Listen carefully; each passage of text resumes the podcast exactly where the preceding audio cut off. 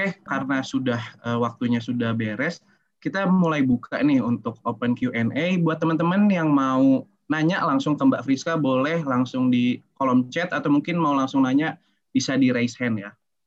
Oke. Okay. Ya.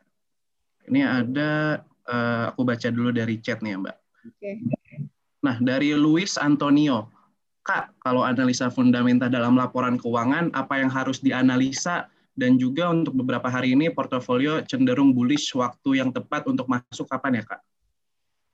Iya, uh, kalau fundamental itu kalau secara besar kan memang kita ngeliat laporan keuangan itu paling nggak usah semua rasio kita pelajarin ya. Diri laporan keuangan, aku dulu zaman masih newbie, zaman awal-awal, aku cuma ngelihat dari ini perusahaan tiap tahun paling nggak lima tahun ke belakang profit terus nggak kayak gitu dalam tanda kutip kondisi ekonomi normal ya.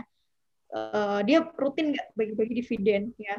Kalau dia loyal ya, biasanya perusahaan yang mampu mencetak laba atau profit terus dia loyal bagi dividen terus investor itu bisa jadi salah satu masuk watchlist kita lah. Oh, oke okay juga nih perusahaan udah tiap tahun bagi bagi dividen, tiap tahun dia uh, mampu mencetak laba, surplus terus ya.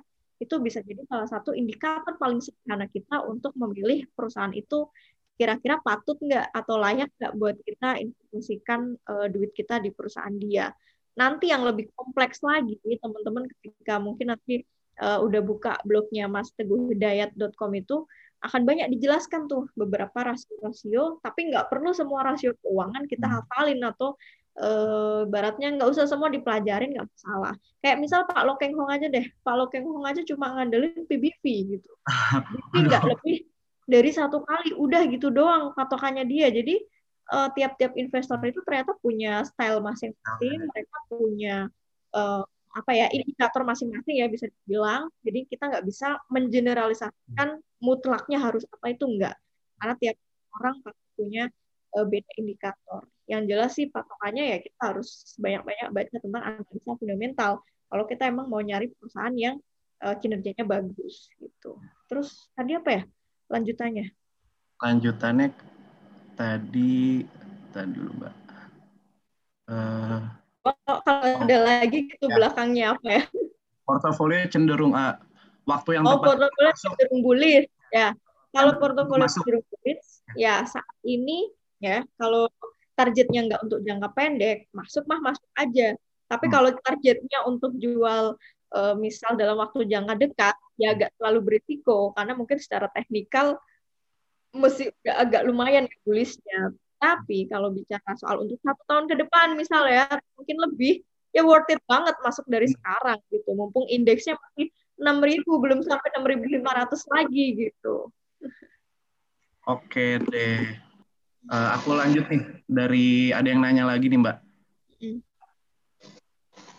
Bagaimana cara menganalisa perusahaan yang baru IPO dari Debbie nih nanya. Gimana sih Mbak? IPO itu cukup uh, krusial ya untuk dipelajari. Maksudnya sekelas Warren Buffett ataupun Hong Kong tahu mereka anti beli saham IPO karena hmm. susah hmm. untuk dianalisa. Selain dia belum terbukti di pasar apa kinerjanya, itu cuma bermodal dengan yang namanya prospektus doang. Kalau saham IPO, ya prospektus itu paling nggak sih laporan dia mungkin tiga tahun belakang kayak gitu. Tapi kan itu sebelum IPO, kita belum bisa ngetes ketika dia udah ting di pasar saham itu respon masyarakat seperti apa gitu investornya. Makanya aku pribadi juga cuma sekali doang selama 10 tahun terakhir buka IPO. Karena nggak pernah menurut eh, menurut saya pribadi ya, karena belum belum bisa dilihat seperti apa. Tapi kalau hanya untuk penasaran mau testing ya, ya beli aja satu lot barangnya aja kan. Ya. Tapi yang jelas nggak ada uh, modal lain untuk dipelajarin kecuali ya. Justru malah orang-orang ngincar IPO, IPO itu karena pengen arah ya, padahal belum tentu juga ya Mbak. Semua yang iya, IPO itu pasti arah. Nah, lagi ya. Nah, ini ada pertanyaan lagi nih dari uh, Saraswati. Selamat uh, pengalaman kakak sendiri pernah mendapatkan multi bagger kah? Boleh diceritakan gimana kak? Apakah itu saham second liner atau soalnya katanya blue chip jarang sekali multi bagger. Terima kasih. Uh, aku bukan value investor ya, jadi aku multi bagger karena aku uh, tipe-tipe yang blue chip follower. Jadi selama 10 tahun terakhir ya banyak dapat cuannya dari saham-saham blue chip karena memang aku konsistennya di situ, fokusnya di situ. Karena investor kan harus fokus. Jadi ketika aku fokus uh, di saham blue chip ya aku akan terus fokus di situ sampai tetap bisa konsisten dapat profit atau return dari situ. Untuk multi sendiri rata-rata kebanyakan mereka pasti dari saham-saham second liner ya. Kalau dari third liner ada tapi kayaknya nyaris jarang kalau blue chip ya jelas nggak ada nggak ada bagger karena namanya aja udah blue chip gitu. Ya. udah udah mature udah ibaratnya udah sampai levelnya udah level tinggi jadi nggak ada istilah multi bagger. Multi bagger rata-rata untuk di Samsung lapis dua ya kecenderungan ya. Lapis tiga mungkin ada tapi kayaknya uh, nyaris banget kayak gitu. Oke. Nah terus juga ada uh, yang nanya nih menarik nih mbak Uh, jika saham perusahaan dalam negeri dipegang sebagian besar oleh asing, hal ini dapat memberikan dampak positif atau negatif sih Mbak untuk negara dan apakah ada kapasitas untuk investor asing dalam investasi saham di Indonesia? Hmm, sebenarnya tetap positif ya.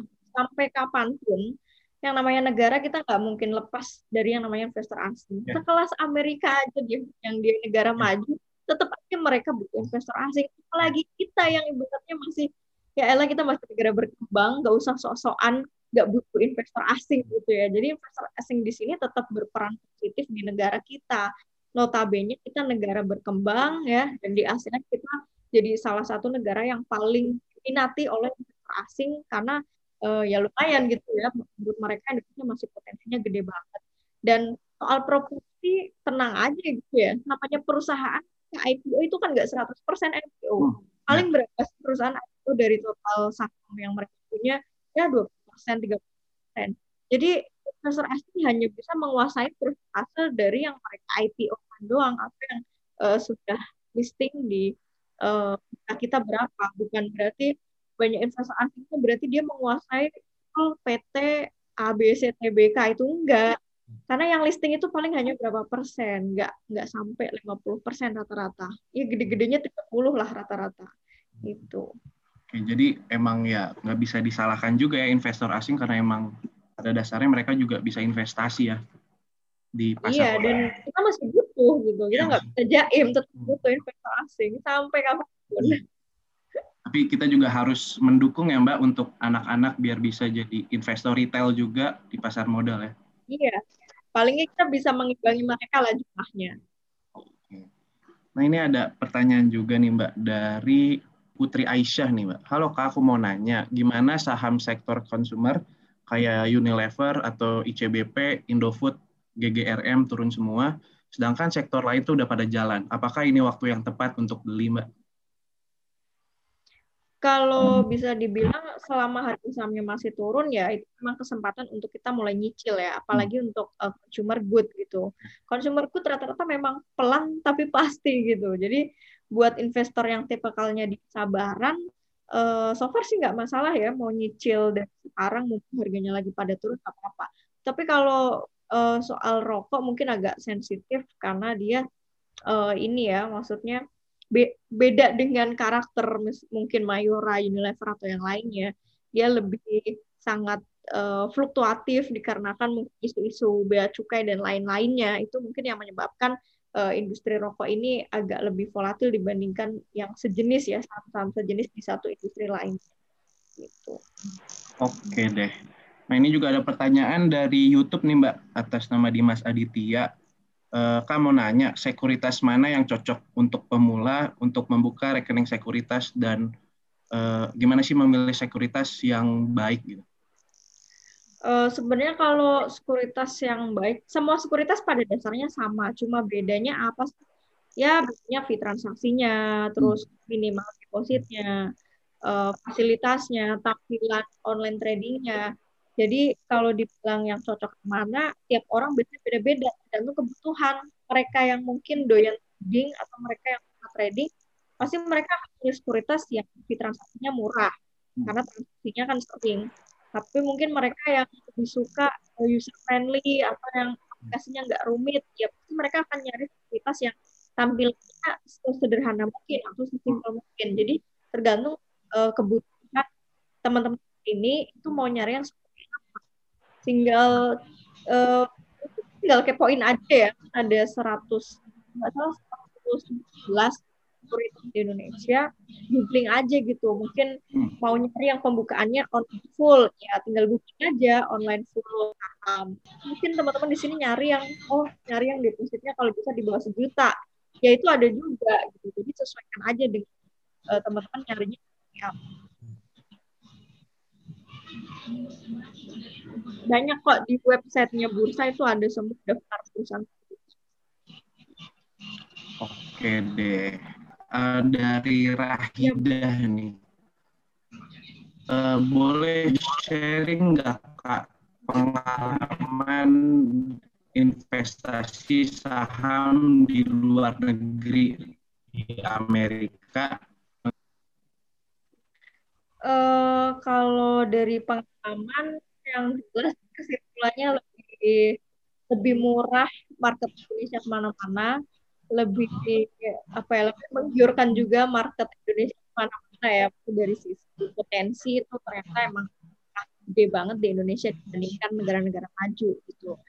Dari sisi biaya-biaya juga oh, jauh banget itu 180 derajat berbalik lah dengan Indonesia yang semua serba murah di sini 100 ribu udah bisa buka rekening saham di sana 10 ribu dolar harus baru bisa buka rekening saham jadi uh, faktor-faktor itu yang sangat menjadi perbedaan yang signifikan lah antara uh, negara berkembang dengan bursa yang uh, udah di negara maju seperti apa.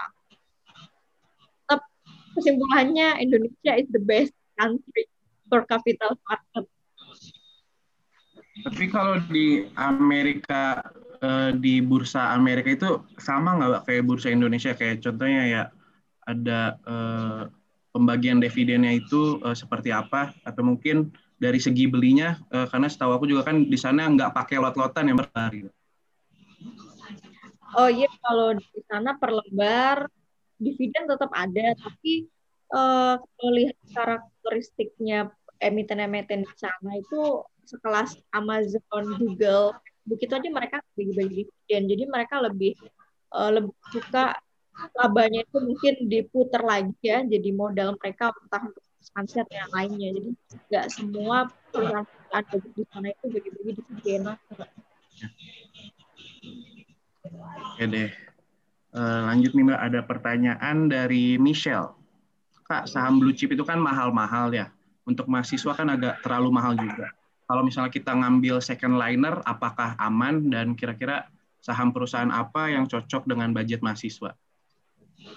saham itu belum tentu mahal. Itu hanya pandangan orang awam yang lagi-lagi nggak mau nyari tahu aja ya. Blue chip di bawah 500 ribu masih ada. Chip di bawah sejuta apalagi banyak banget. Kalau blue chip hanya berpedoman dengan mungkin uh, harga apa ya BCA gitu ya yang perusahaan salah kaprah gitu. Kalau kita misal kayak lihat Telkom harganya tiga ratusan ribu dapat. Bank RI 400 ribuan doang dapat kayak gitu. Itu ibaratnya teman-teman kalau mau nabung 100 ribu per bulan aja dalam waktu tiga bulan, empat bulan udah kebeli saham-saham itu tadi. Atau mungkin Mayora yang harganya lima ratus ribu.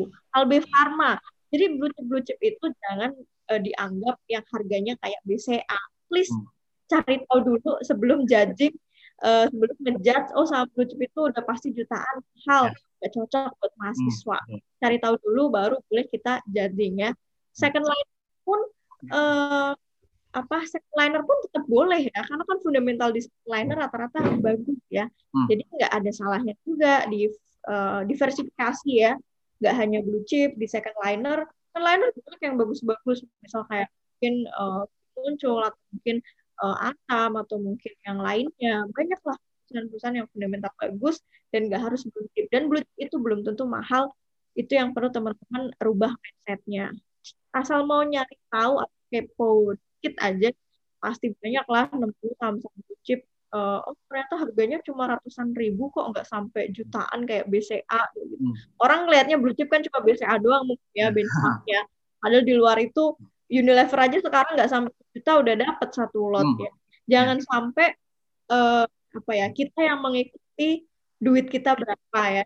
Tapi ibaratnya ini jangan jangan give up. Oh modal saya cuma seratus ribu. Jadi ya udahlah kayak mampu belinya hanya saham gorengan dengan hmm. segala resiko yang sangat luar biasa ya udah saya beli jangan punya mindset kayak gitu jangan hmm. sampai kita yang dikendalikan sama uh, duit gitu harusnya uh, kita yang mampu ini ya mampu mengatur gitu hmm. secara logika nih kalau dulu saya zaman mahasiswa ya saya pengen ngerasain beli saham Telkom ya secara logika saya bakal nabung oh yes. sebulan saya akan nabung deh seratus ribu seratus ribu tapi hmm. yang penting demi bisa dapat satu lotnya saham Telkom itu yeah.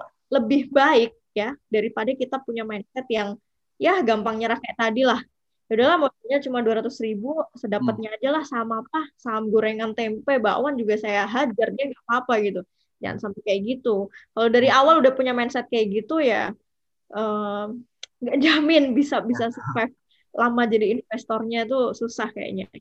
Hmm. Oke.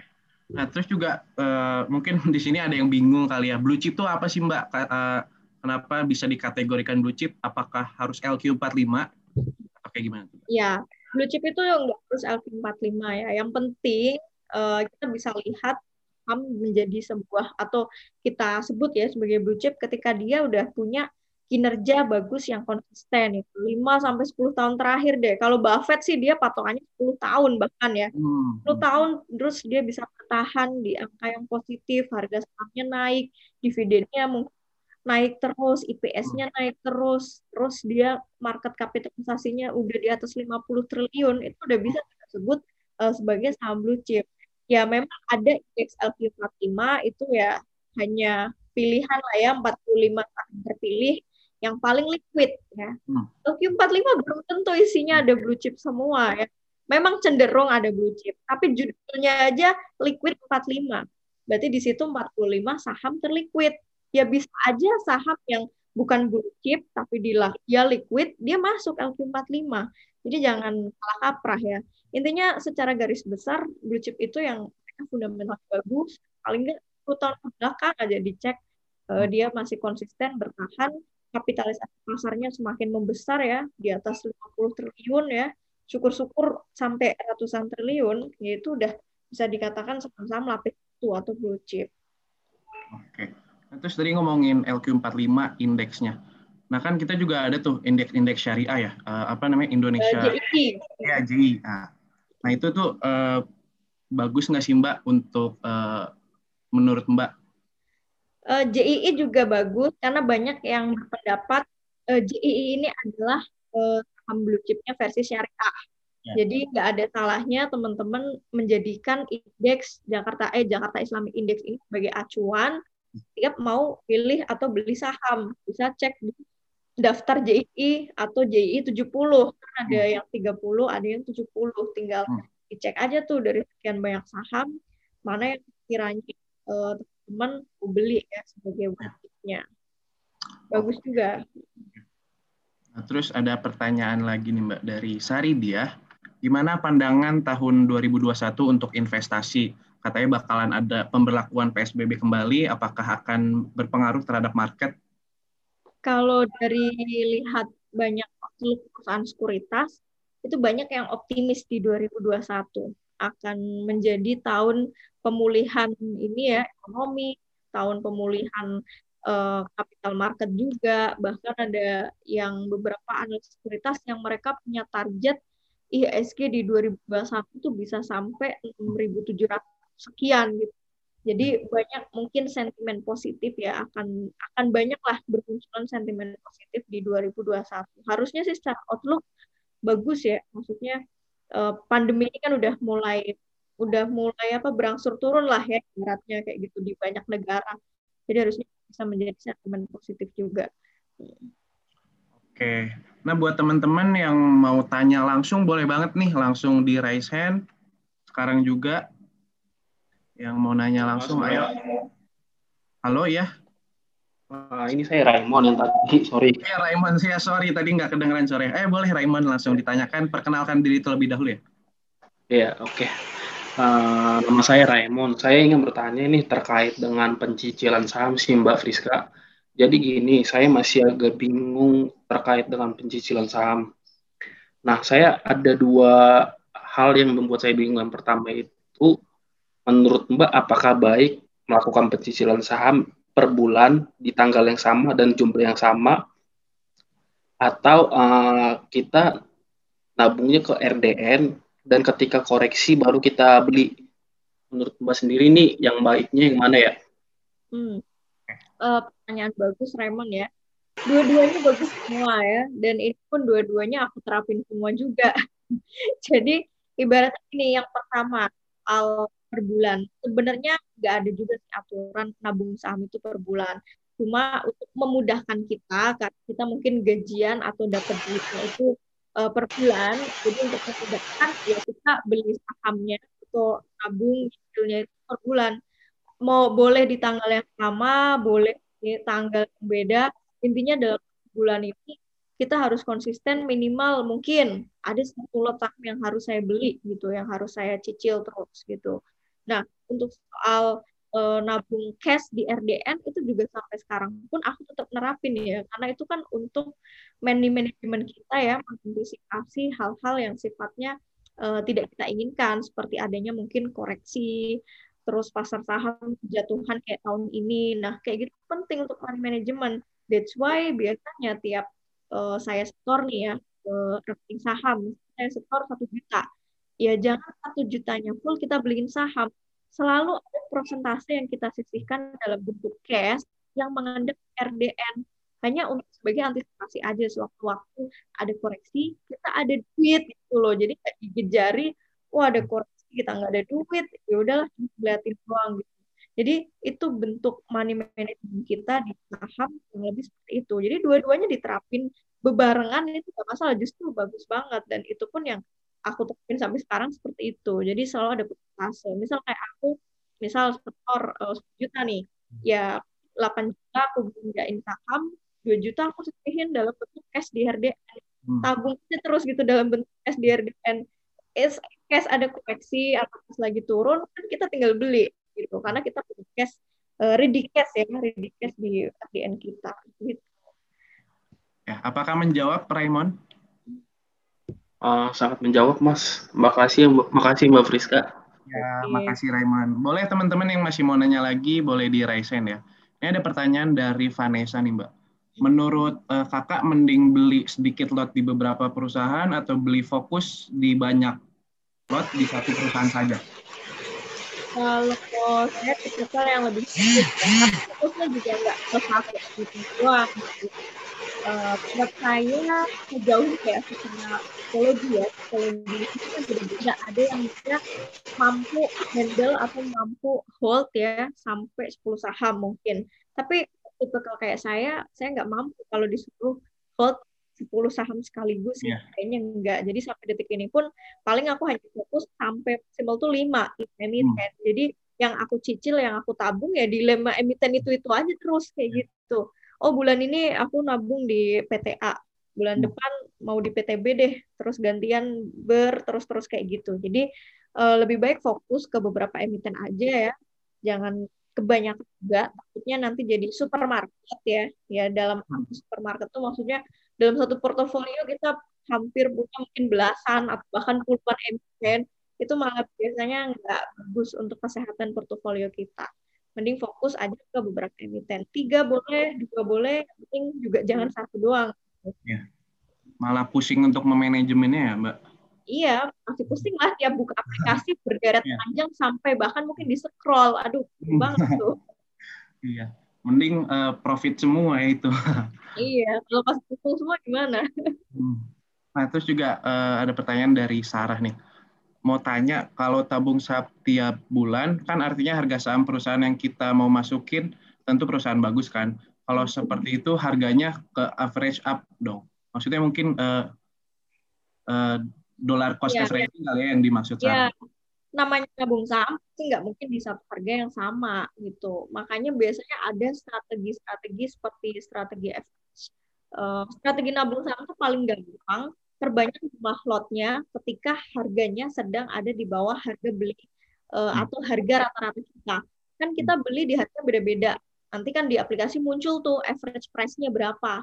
Nah, sewaktu-waktu mungkin ada koreksi, terus harga sahamnya itu di bawah harga average price kita, itu strategi averaging-nya, jumlah lotnya kalau bisa diperbanyak dari yang biasa-biasanya.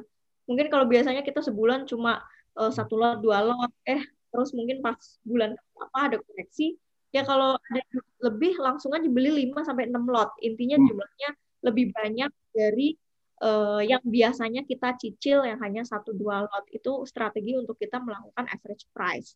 Tapi yang nggak ada masalah juga mau dicicil di harga berapapun nanti kan average price tetap ada. Bukan berarti nanti harganya akan semakin uh, semakin tinggi gitu terus kitanya nggak jadi cuan ya itu juga perhitungannya gitu. Tetap average price-nya nggak akan sampai mendekati harga di saat kita beli karena kan kita average-nya dari berbagai hmm. jenis harga kalau tadi kan average up tuh Mbak. Kalau misalnya average down itu boleh nggak sih Mbak untuk strategi kita? Average down tentu boleh. Justru itu uh, tadi aku saranin ya ketika harganya lagi tuh atau koreksi kita average down. Jumlah lotnya diperbanyak dibandingkan hmm. dengan hmm. bulan-bulan sebelumnya kita uh, yang investasi standarnya mungkin hanya satu lot average down selalu hmm. disebutkan dengan jumlah lot yang lebih banyak. Oke. Sebut under value ya. Nah, itu gimana sih Mbak cara mencari saham-saham yang under value tuh Mbak?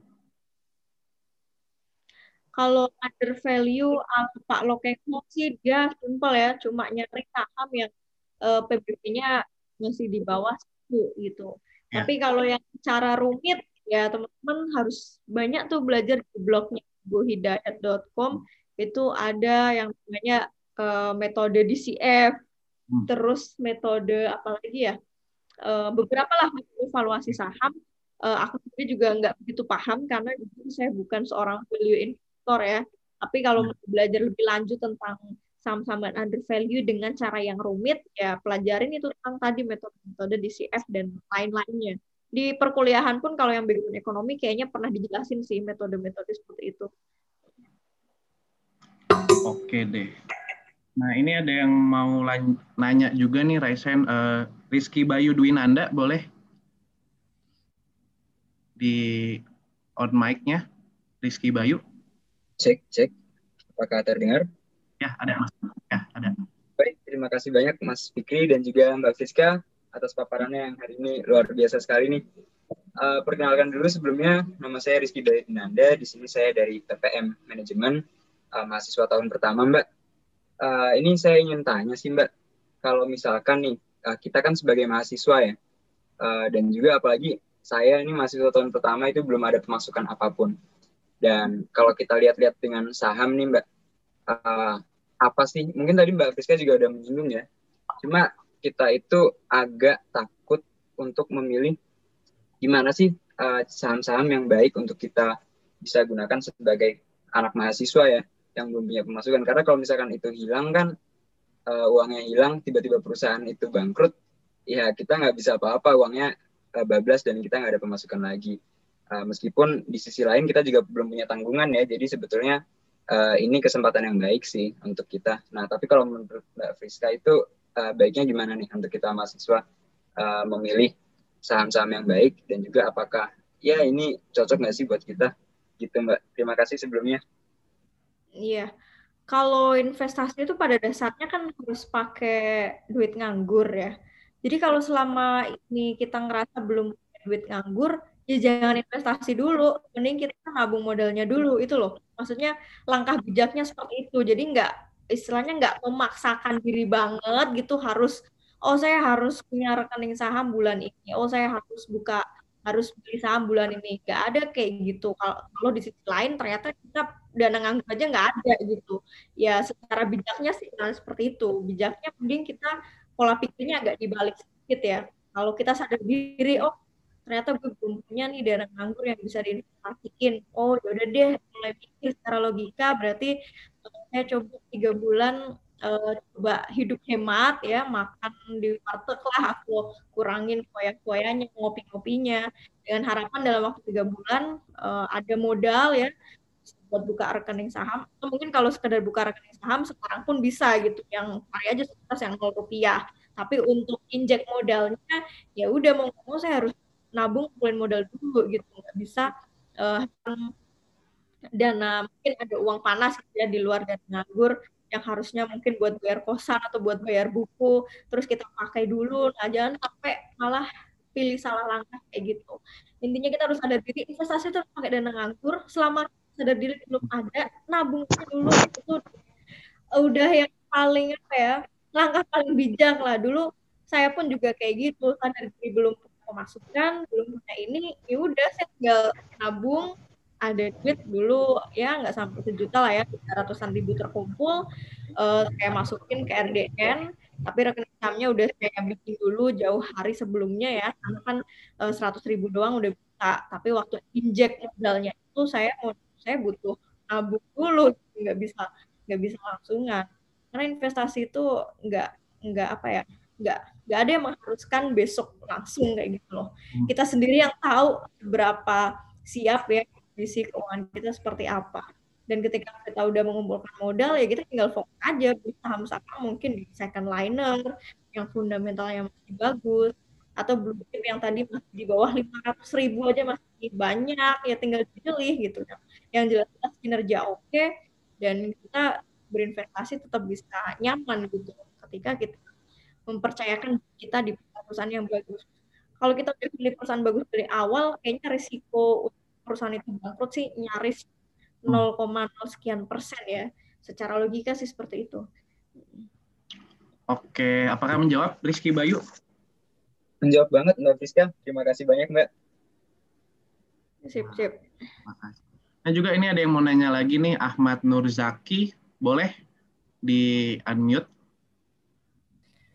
Oke, terima kasih buat Kak, Fri, Kak Fikri dan Kak Friska Aku mau nanya kak, jadi kan kalau misalkan di emiten saham kan suka ada istilah stock split dan reverse stock split ya kak. Nah itu dari pengertiannya apa sih kak? Dan apakah itu malah nguntungin investor atau justru malah ngerugin investor kak? Terima kasih kak. Nah, kalau yang menguntungkan investor itu sebenarnya yang stock split karena itu tujuan perusahaan melakukan stock split kan untuk membuat harganya menjadi lebih uh, terjangkau ya untuk masyarakat dan akhirnya saham itu menjadi semakin liquid. Ya katakanlah kayak Unilever aja waktu harga di 44.000. 44.000 kan uh, akhirnya sepi trans transaksi ada tapi nggak seliquid waktu dia harganya mungkin masih ratusan uh, puluhan ribu atau bahkan di bawah sepuluh ribu. Nah akhirnya si Unilever kan stock split satu banding lima. Makanya sekarang dengan di bawah satu juta itu udah dapat harga uh, satu lot Unilever itu kalau stock split jelas lebih menguntungkan ke investor. Tapi kalau RSS atau reverse stock split itu biasanya akan membuat uh, mau dari sisi investor itu kurang diuntungkan. Yang nggak bisa sepenuhnya dibilang merugikan, tapi kurang diuntungkan dibandingkan yang melakukan stock split gitu. Ya pemecahan nilai saham sama penggabungan nilai saham lah. Itu kalau secara bahasa sederhananya stock split dan reverse stock split. Uh, ini juga ada uh, trim, apakah menjawab tadi pertanyaannya? Oke, Ahmad? sudah menjawab. Terima kasih, Oke, Kak Terima kasih ya. Ini ada pertanyaan lagi nih Mbak dari Ashifa. Izin bertanya Kak, tadi kan katanya learning by doing itu yang terbaik. Tapi pengetahuan minimal apa sih yang sudah harus kita miliki sebelum benar-benar masuk ke dunia investasi saham? Pengetahuan yang jelas sih basic dulu. Ya, basic itu yang kayak sekarang kita ngobrol-ngobrol ya, ini basic. Selama kita udah punya basic ilmunya, ya silakan buka rekening saham sambil belajar fitur-fitur mungkin menu-menu yang ada di platform sekuritasnya ya sambil ngumpulin modal nah itu yang dinamakan learning by doing gitu. Jadi yang penting ilmu basic dulu selebihnya nanti mungkin mempelajari analisa fundamental atau analisa teknikal itu bisa sambil jalan. Oke deh. Nah ini juga lanjut nih Mbak, ada pertanyaan dari Fatih. Ingin bertanya, kebanyakan orang lebih sering berbicara mengenai trading, tetapi saya juga pernah mendengar mengenai value investing. Bagaimana pendapat kakak mengenai itu?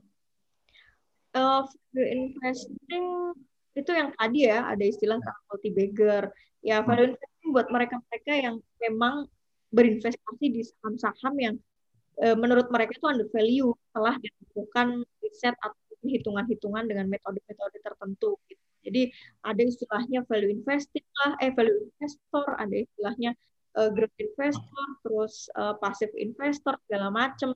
Nah mungkin kalau yang value ini memang mereka para penganut uh, saham-saham under value. Ya contoh nyatanya mungkin seperti Pak Lokeng kali ya di hmm. Indonesia. Terus Teguh Hidayat itu dia juga value investor juga. Tapi untuk uh, mahasiswa itu sebenarnya cukup bagus nggak sih mbak kalau misalnya kita trading ya entah itu swing nah, trading sebulan sekali gak atau masalah gitu ya mahasiswa trading gak masalah orang dulu aku awalnya juga trading. Ya kan kan trading kan juga investasi gitu bedanya yeah. kan cuma jangka waktu. Hmm. uh, karena dulu aku mungkin dulu mahasiswa dimulai dari trading karena waktu belum pikiran untuk uh, investasi yang sifatnya long term maksudnya yang uh, untuk mencatat satu tahun yang lebih. Karena saat itu masih semangat semangatnya belajar ya dan mungkin dari kecil udah punya jiwa dagang trading kan dagang ya sama aja. Jadi jadi ya kebawa gitu. di saham pun ya akhirnya aku pun juga di awal uh, banyak banyak trading banyak banyak dagang saham di situ. Karena masih skala tujuannya itu kecil-kecil gitu loh. Trading dikit dapat cuan ya udah beliin pulsa. Trading dikit dapat cuan ya udah beliin makan di warteg. Ya yang sifatnya kecil-kecil kayak gitu. Jadi nggak ada salahnya dari awal uh, mau belajar trading tapi yang penting itu harus uh, belajar teknikalnya dulu jadi ya apa yang nggak nggak nggak ngasal doang gitu ah tentang awal langsung asal doang belum ada yeah. ilmunya takutnya ntar malah ini ya nyangkut lah atau yeah. atlos lah ya dan sebagainya apalagi kalau tradingnya juga ngikutin rekomendasi ya mbak ya iya apalagi kalau sampai ah. pom pom gitu parah ini ada pertanyaan lagi nih Mbak dari uh, Alawud. Uh, Kak, saya pernah dengar kalau mau investasi saham itu lebih baik dari sektor yang berbeda-beda. Nah, pertanyaan saya untuk satu sektor tuh yang bagus maksimal berapa emiten sih? Uh, satu sektor. Paling nggak sih memang dalam portofolio itu ada dua sektor ya. Hmm. Dalam sektor itu ya dua aja kayaknya sih cukup ya, nggak usah yang semua dikoleksi kayak gitu. Karena aku pribadi dari total intinya mau dari sektor berapapun dua atau tiga aku pribadi cuma punya maksimal itu kalau bisa lima aja jadi biar fokusnya di situ.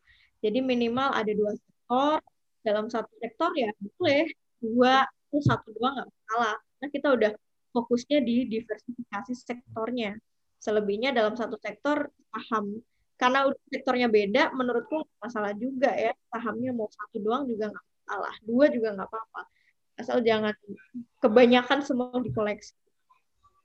Oke deh, ini mungkin uh, pertanyaan terakhir ya uh, dari Cynthia Famela.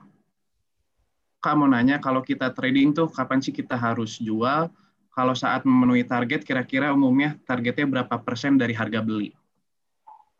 Uh, ada persentase uh, sakleknya ya kalau aku pribadi, aku lebih yang suka realistis. Maksudnya nggak yang idealis, oh ketika udah profit sampai 20% atau sampai 50% baru saya jual sahamnya. Itu enggak sih. Aku yang lebih realistis dalam artian karena aku memang mindsetnya udah tahu pasar modal ini fokusnya di modal. Jadi ketika mungkin aku dapat profit hanya tiga persen, tapi mungkin secara nominal buatku udah, oh, udah lumayan nih misal mau buat uh, digulung lagi modal ya atau jadi compounding interest itu ya pasti aku akan jual gitu. Tapi ketika aku merasa lebih ke ini aja ya rasa cukup atau enggaknya di dalam dalam diri masing-masing. Yang penting nggak greedy itu aja kuncinya.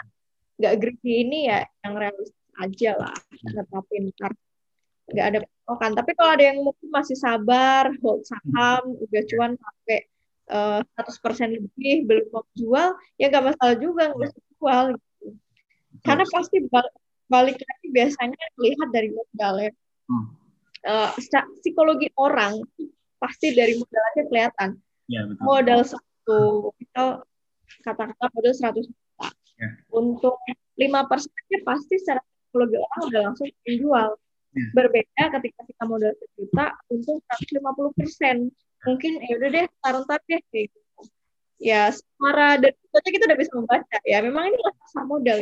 Nggak ada target persentase return tertentu katakan jual karena balik lagi biasanya akan linear dengan modal yang kita punya dan kita akan tahu berapa cukup oh ini cukup deh jual aja deh. Jadi balik lagi ya ke planning masing-masing ya Mbak.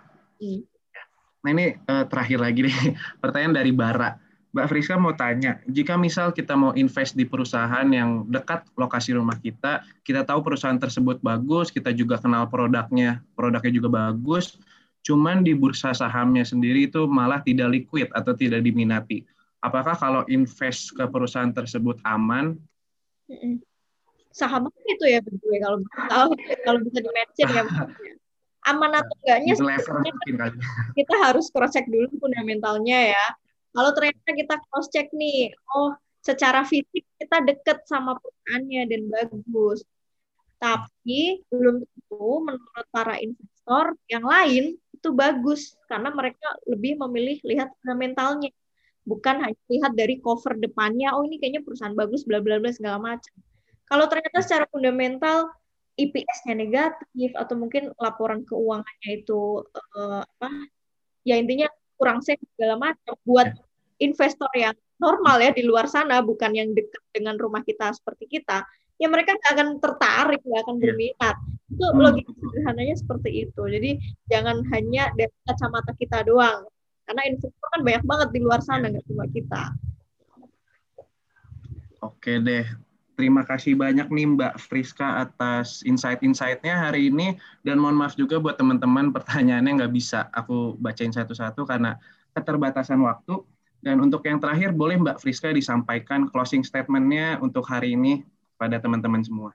Uh, buat teman-teman di sini yang belum mau mulai atau mungkin baru terjun, aku saranin benar-benar uh, manfaatin waktu lagi masih muda ya, banyak untuk nyari sumber ilmu, nyari ilmu dari berbagai sumber ya maksudnya untuk bisa upgrade ya. Kita upgrade knowledge kita tentang pasar saham banyak-banyak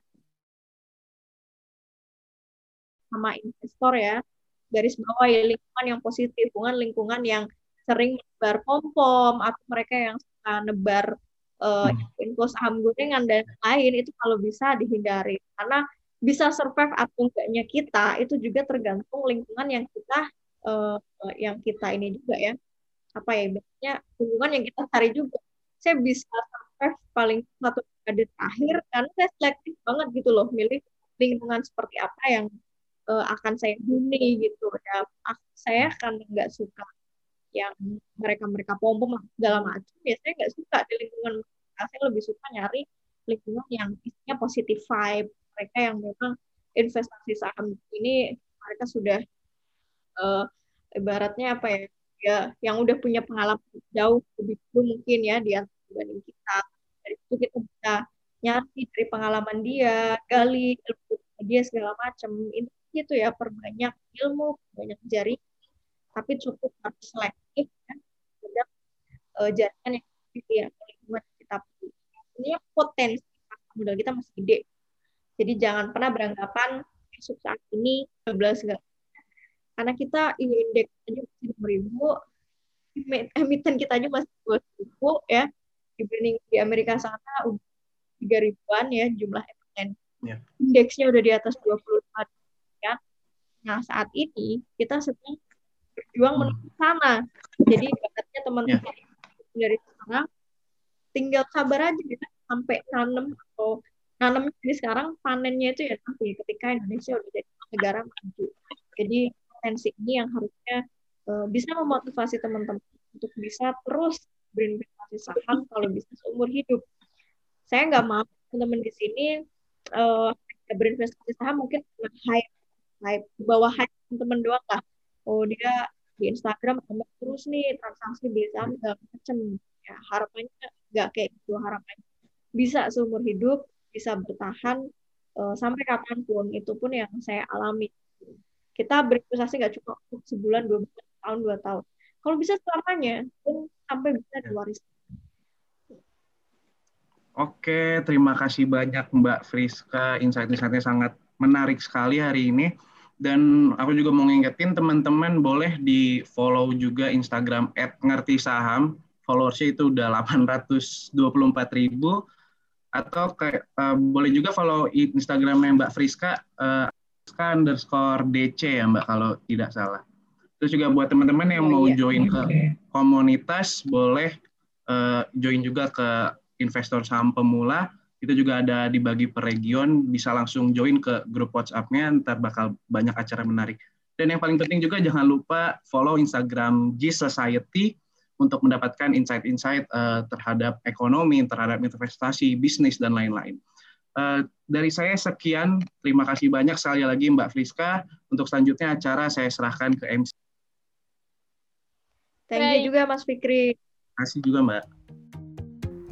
Bapak, Ibu, dan teman-teman semua, tanpa disadari kita sudah berada di penghujung acara. Semoga Cistok kali ini dapat memberikan insight baru yang berguna untuk kita semua. Saya, Octavia dan seluruh panitia mengucapkan terima kasih kepada peserta Cistop 2. Mohon maaf apabila ada kesalahan yang disengaja maupun tidak disengaja. Sampai jumpa di acara Cistok selanjutnya. Stay happy and healthy ya,